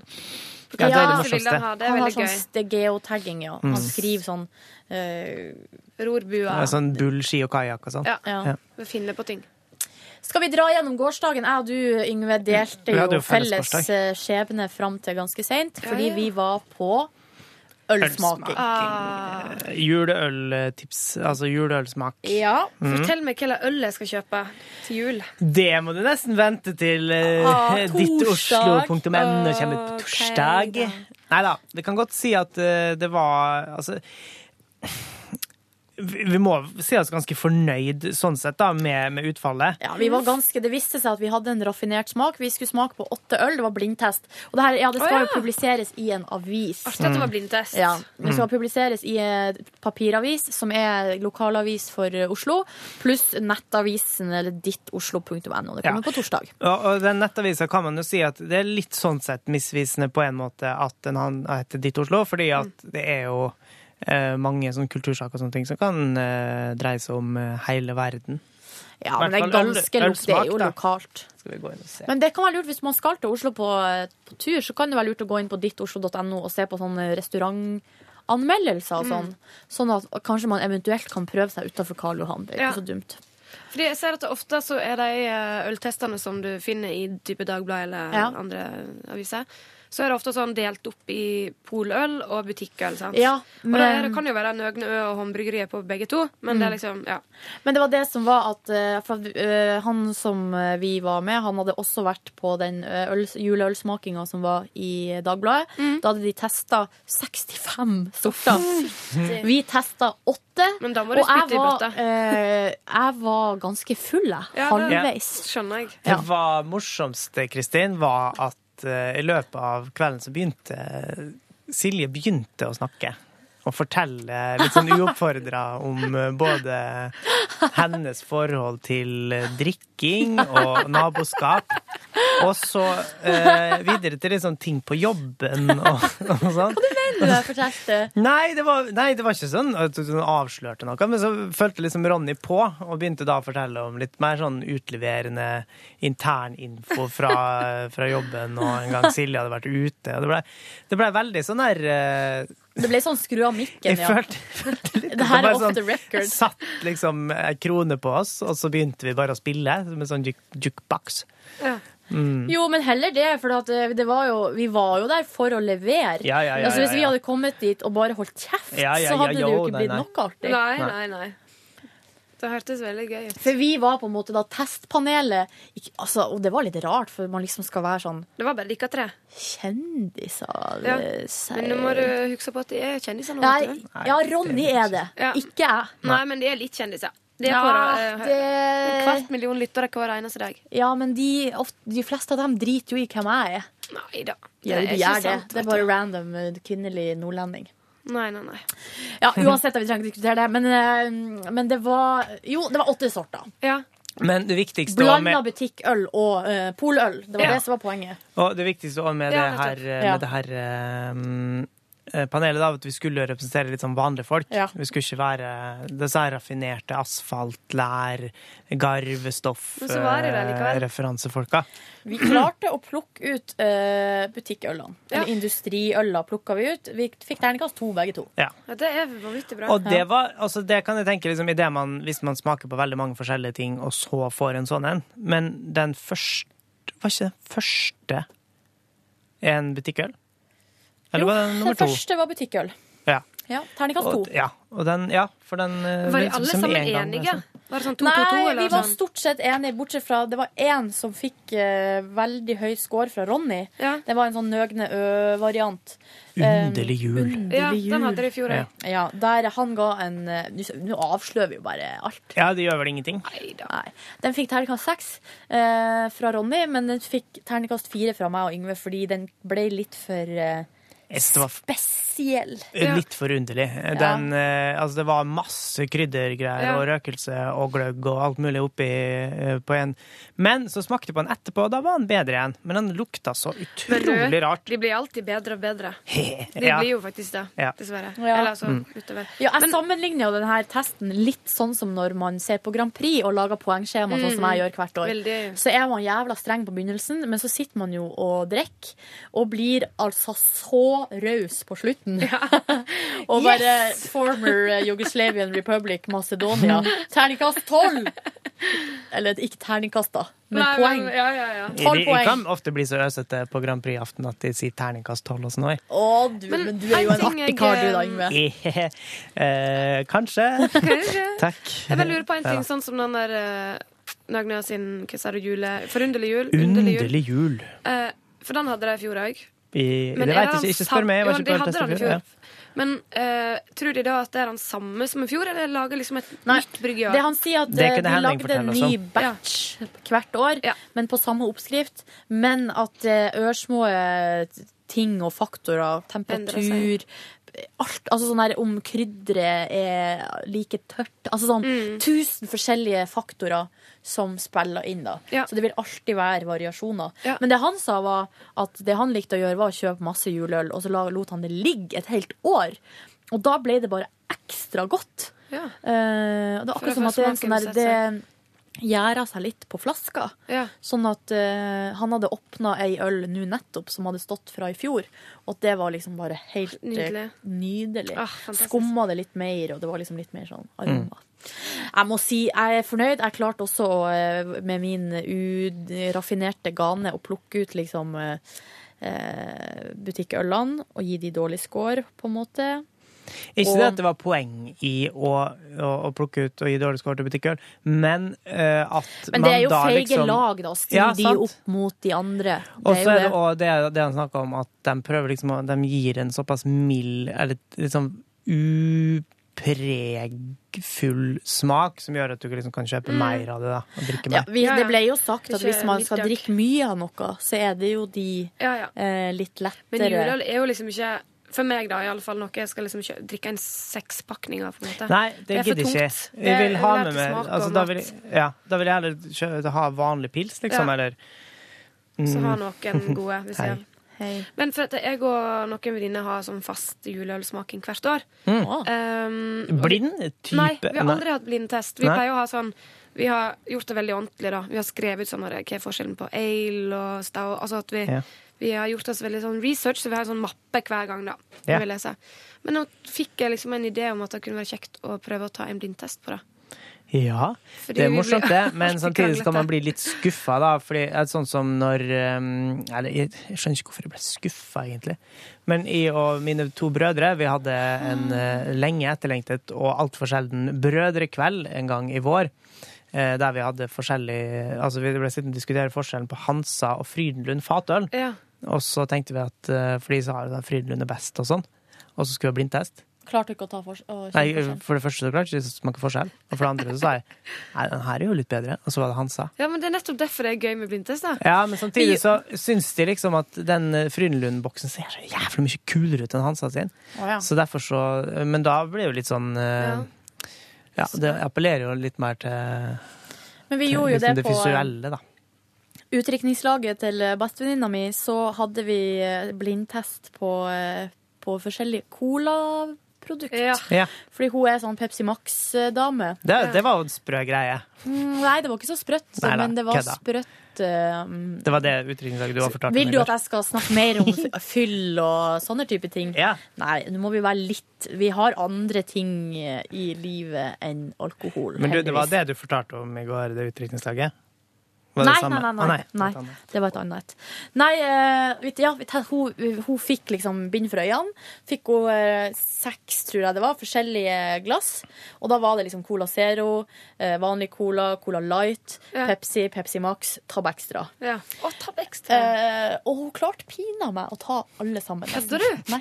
Det er, det er ganske Det hadde jeg aldri Og det var så klart. komisk, for at når hun, det ene glasset som var Pepsi Max, da bare, hun hadde bare glasset opp mot nesa, og så bare Pepsi Max! Lurer på om det er en god ting at du klarte det eller ikke, liksom. Men visstnok så tror jeg Davy Vatne har gjort det samme, og han òg tar, han tar det sånn, liksom. Kanskje venninna di og Davy Vatne er samme person? Nei eh, Tenk hvis Davy Vatne hadde vært bestevenninna mi. det hadde jeg elska! Å, så mye gøy vi Ja, kunne hatt det. Vært på Da hadde bestevenninna di vært på førkveld med Ronny Brede Vårsø. Ja, det Ja. hadde han. Eller hun, da. Ai, ai, ai. Men det var en fin kveld i går. Vi fikk jo litt mat, og Ronny var i sitt ess. Altså ølhunden Ronny. Han var helt eh, Ja, han var ikke til å stoppe. Nei. Nei. Det var veldig hyggelig. Og så Men nå er jeg så sulten at nå drar jeg det i land for min del. Dro hjem, dusja, så på nyhetene, la meg. For en fornuftig avslutning. Hørtes veldig bra ut. Jeg, skal, jeg vil bare eh, skyte inn en ting angående det med sånn blindtestgreier. Ja. For hvor masse det har å si i dag. eh, Mm. eh, Lukt og syn, på en måte. Det har mye å si. Vi hadde sånn, Jeg har tatt biologi eh, før. Og da hadde vi en sånn blindtest der vi hadde liksom kutta opp litt frukt og grønnsaker og sånt. Og så skulle, hadde du en partner ikke sant, som skulle legge denne her terningen inn på tunga di mens du holdt det for nese og syn. ja. Skulle sjekke om du Du har ikke sjans til å kjenne forskjell på gulrot, agurk, eh, potet. Kunne være helt random. Ja, Eneste og sjek... løk var ja, hørt. Ja. eneste jeg klarte, var liksom banan, fordi at det er så sånn absolutt så tydelig konsistens. da Men du hadde selvfølgelig ikke lov til å drive og rulle det rundt i kjeften, men bare legge det på tunga. på en måte Ah, ja, jeg trodde du skulle tygge det. Ja, du kan tygge det, men du har ikke lov til å liksom når, Først så skal du få det på tunga, Men det viktigste er er å ikke puste. Ja. Altså ikke med, med nesen, Ja. liksom. Du kasta opp fordi at jeg er så sulten. Ja, men Å, nei. herregud. Men, ikke gjør det. ok, men da vi, å, vi skal ikke få Silje til å kaste opp her. Nei. Um, Jeg du gikk hjem. Jeg og Ronny var jo røvere nok til å gå ut og ta Ja, en øl til. typisk. Og, og Ronny sier sånn 'Silje, bli med', da. Og så sier han nei, jeg vil ikke det. Du kan bare se på. Så sier jeg, Skal jeg sitte og se på at dere drikker øl? Det var ikke mitt argument. Og så sier jeg, men jeg vil jo hjem til kjæresten min. Og så, ja, så går det eh, kanskje ett minutt. Bli med, da. Bli med, da, Silje. Du kan se på. Har ikke lyst til å fa- komme og sitte og se Nei, det må være kjedeligere enn å drikke Ja, øl. det er drittkjedelig. Ja, nei, jeg ville hjem. Bare Ja. hjem. Ja. Jeg er ganske tøffel, kan jeg nå Nei, men det avsløre. er helt i orden å gå hjem eh, når man har vært ute og drukket pils på en mandag. Eh, Ja. Men altså, vi var jo hjemme. Jeg tror vi var avslutta i klokka var ni, eller eh, før det til og med. Ja. Jeg tror vi var hjemme litt over ni. Og da eh, gikk jeg egentlig bare og la meg. Så deilig. Ja. Spiste du noe da? Nei, jeg tenkte liksom, skal jeg begynne nå å lage mat og sånn og sånn og sånn. Tenkte jeg, nei, jeg gidder ikke det. Da får jeg heller bare være litt sulten. Og så klarte jeg å sovne før jeg ble sulten. Perfekt. Ja. Og det er mye mat i godt øl, vet du. Vet du hva, det er ikke sant. Det er ingenting som gjør meg så sulten som øl. Nei. Er det sant? Jeg, jeg er litt sånn, jeg tykker det er litt Ja. mat i øl. Jeg får så lavt blodsukker av det. Kristin, du hadde en helt annerledes dag enn oss i Ja, jeg går. vet ikke hva jeg hadde. Men den var ikke så spennende, da. Jeg hadde sånn, det var mandag, så da pleier jeg ofte å gå en tur mens jeg hører på siste podkast av This American Life, som jeg Ja. kommer ut hver søndag, så da hører jeg på det alltid på mandagene. Type sånn radiofolk å høre på. This American Life. Ja, jeg vet ikke. Jeg prøvde å høre på det, jeg fikk det ikke til. Nei, dette alltid det, av. Det blir for lange forklaringer, syns jeg. Å, ja. Nei, jeg er helt uh, hekta. Mm. Men uh, ja, så det gjorde jeg. Og så uh, åt jeg middag her på jobben i går med Pernille og Lina. Så så Gikk du en tur først, og så kom du Nei da. tilbake? Det var omvendt rekkefølge, må jeg bare Ja, spiste middag først, så gikk tur. Ja, Sov til og med litt middag, og så så jeg nest siste episode av Walking Dead. Å, jeg trodde du skulle si Forbrytelsen. Nei, den har jeg sett siste òg. Men du, er vi to uker bak i Norge, eller ei uke? Er vel bare. Okay. Jeg tror det er ei, ja. Ja. Og så leste jeg i Zlatan-boka mi og sovna. Ja, Mm. spennende. Hvor langt har du kommet? Jeg er kanskje 150 sider eller noe. Hvor gammel er den nå? Eller Eh, ja, går det ikke sånn? går litt fram og tilbake, nemlig. Ja. Ja. Jeg har lest ferdig Anne Holt-boka mi nå. Ja. Hva heter Anne Holt-karakteren? Hanne Wilhelmsen. Ja. Er du på den 12-20 Nei, nå leste jeg jo den første boka, 'Blind gudinne'. Det er jo nesten ingenting om hun privat. Og det, det rare er, for det er det eneste jeg har tydeligvis brydd meg om i de bøkene. Det eneste jeg har fått med meg. Men Hanne det er jo Wilhelmsen. Ja. Wilhelmsen. Han, Hanne Wilhelmsen, ja. Wilhelmsen. Nei, Hanne Wilhelmsen. Wilmelsen. Vil... Hanne Wilhelmsen. Wilhelmsen. At det er bare noen få ganger at det blir nevnt liksom, om hennes private liv. Serien hun er Ja, så er privat. lesbe, så- er det? Hæ? Det er serien. Da er det mye sånn hjemme på kjøkkenet med kjæresten. Nei, men jeg tror ikke det er så mye. Men det er det eneste man har brydd seg om. Ja, det er sånn, ja, ja. Hanne sto opp, fingret dama si og gikk ut for å etterforske drapet. Sånn privat? Nei. Nei, men hun er, hun er, Sånn er det. tut, tut. Altså, hun er liksom eh, fra øya Lesbos. Ja. Frekkas. Tortillas baker. ja. ja. Det er det de kaller det i Mexico. De kaller eh, det som slenger tortilleras. Det er de som lager tortillas, for det god gammeldags flatbanking. Oi, oi, oi. Nei, dere Hvorfor, Nå- heter, hvorfor blanker man det flatt? Tortillas, navn? Nei, altså Det er for det skal være lett man å pakke inn tacoen. Hva er det man banker? Det trenger vi ikke Det er å ikke her. noe banking. Det her er Nei, for jeg var så flat bankegreier. Seriøst, nå øh, gå last ned Juntafil sin podkast. Må jeg høre gjennom hele det kartoteket Ja. for å finne ut hvem en flatbank Det er en egen episode der den har jeg sjøl vært med på og lagd, som handler om uh, saksing. Så det kan du høre på. Uh, I søke... Søk på saksing. Flatbanker. Mat. Du åpner en kryptert nettside som inneholder Du, ikke få noe virus her, sånn at serveren krasjer. Åse ble årets flatbanker. Å herregud, jeg har jo kommet på andreplass Ja. i 2007. Frøken Nedre Glomma fra Råde. Jøss. Nei, dere, nå faser det ut. Nå går vi og spiser. Det er pannekaker med bacon i, øh, Ja, det skal vi gjøre. i øh, kantina. Men du, her har Hvem som er pannekakebakeren i kantina? IDG, kan tenke hva IDG er det et sånt data... Sony flatbanker konkurrentene på Computer World. Det er ikke lov å si. Yngve. Nei, det er ikke jeg som har skrevet den, den saken her. Det er Computer World. Du gikk inn på feil sak, Yngve. Det der har ingenting med lesbing å gjøre. Ingen kommentarer. Men det var en veldig artig overskrift. Skal du kommentere nå? Ja, men da må jeg gå inn Kanskje du kan som, eh, bruke den medlem på eh, overskriften din, da. Kanskje det, ja, men den saken her er jo fra 2011. Ja, men du har hatt den fra 2000 og Ja, men det var vel en glipp, da. Strengt. Det var en glipp. Ja, men Nei, det står ikke når saken Det, er ja, det skal være oppsummering fra forrige Ja, uke. Ja, ja, ja. Ja, Men jeg kan være med som en eh, integritet. funny bobler, for Sånn er ja. noen overskrifter er såpass morsomme at man må bare ha Men dem jeg så en artig en her om dagen. Sant? Hva var Nei, men Å ja, sånn sett, ja. Ja, sånn Ja, hvis du som hører på har noen tips til Herregud, her for en gris! Hva det reiste på seg med? opp og rapa inn i. Jeg rapa ikke, jeg hosta, men så trakk jeg med. Hvis noen har kommer over morsomme overskrifter i uka som går, så er det bare å sende tips til yngve.hustad.reite at nrk.no. Skal vi gå nå, eller? gjør. Ja, nå kan vi gå. Eh, takk for at du, du lasta ned og lytta til vårt podkastspor. I morgen er vi tilbake igjen med et nytt podkastspor. Eh, Hvem har vi som gjest i morgen, da? Hanne Wilhelmsen. Wilhelmsen. Ja, stemmer det. Nei, hvem har vi på besøk? Nei, det er ikke gjest i morgen. Tror jeg skulle vi ha en fridag. Fridag. Det betyr Er at det fordi at jeg har bursdag? At vi har fri? Å da? ja! Du har bursdag Kanskje bare jeg i driter i å komme på jobb i morgen. Jeg tar meg en fridag. Ta fri- Du Jeg gjør tar det. meg egen melding. Tore Sagen. Du må bare gå innom legevakta i dag og ta et bilde Ja. først. Ja. Ålreit. Vi snakkes i morgen. Vi er tilbake igjen med sending, i hvert fall om vi har gjest eller ikke. Yes, sir. Ha Men det! jeg, jeg kommer. Du kommer. Å, det er så bra. Okay, ha det. Ha det.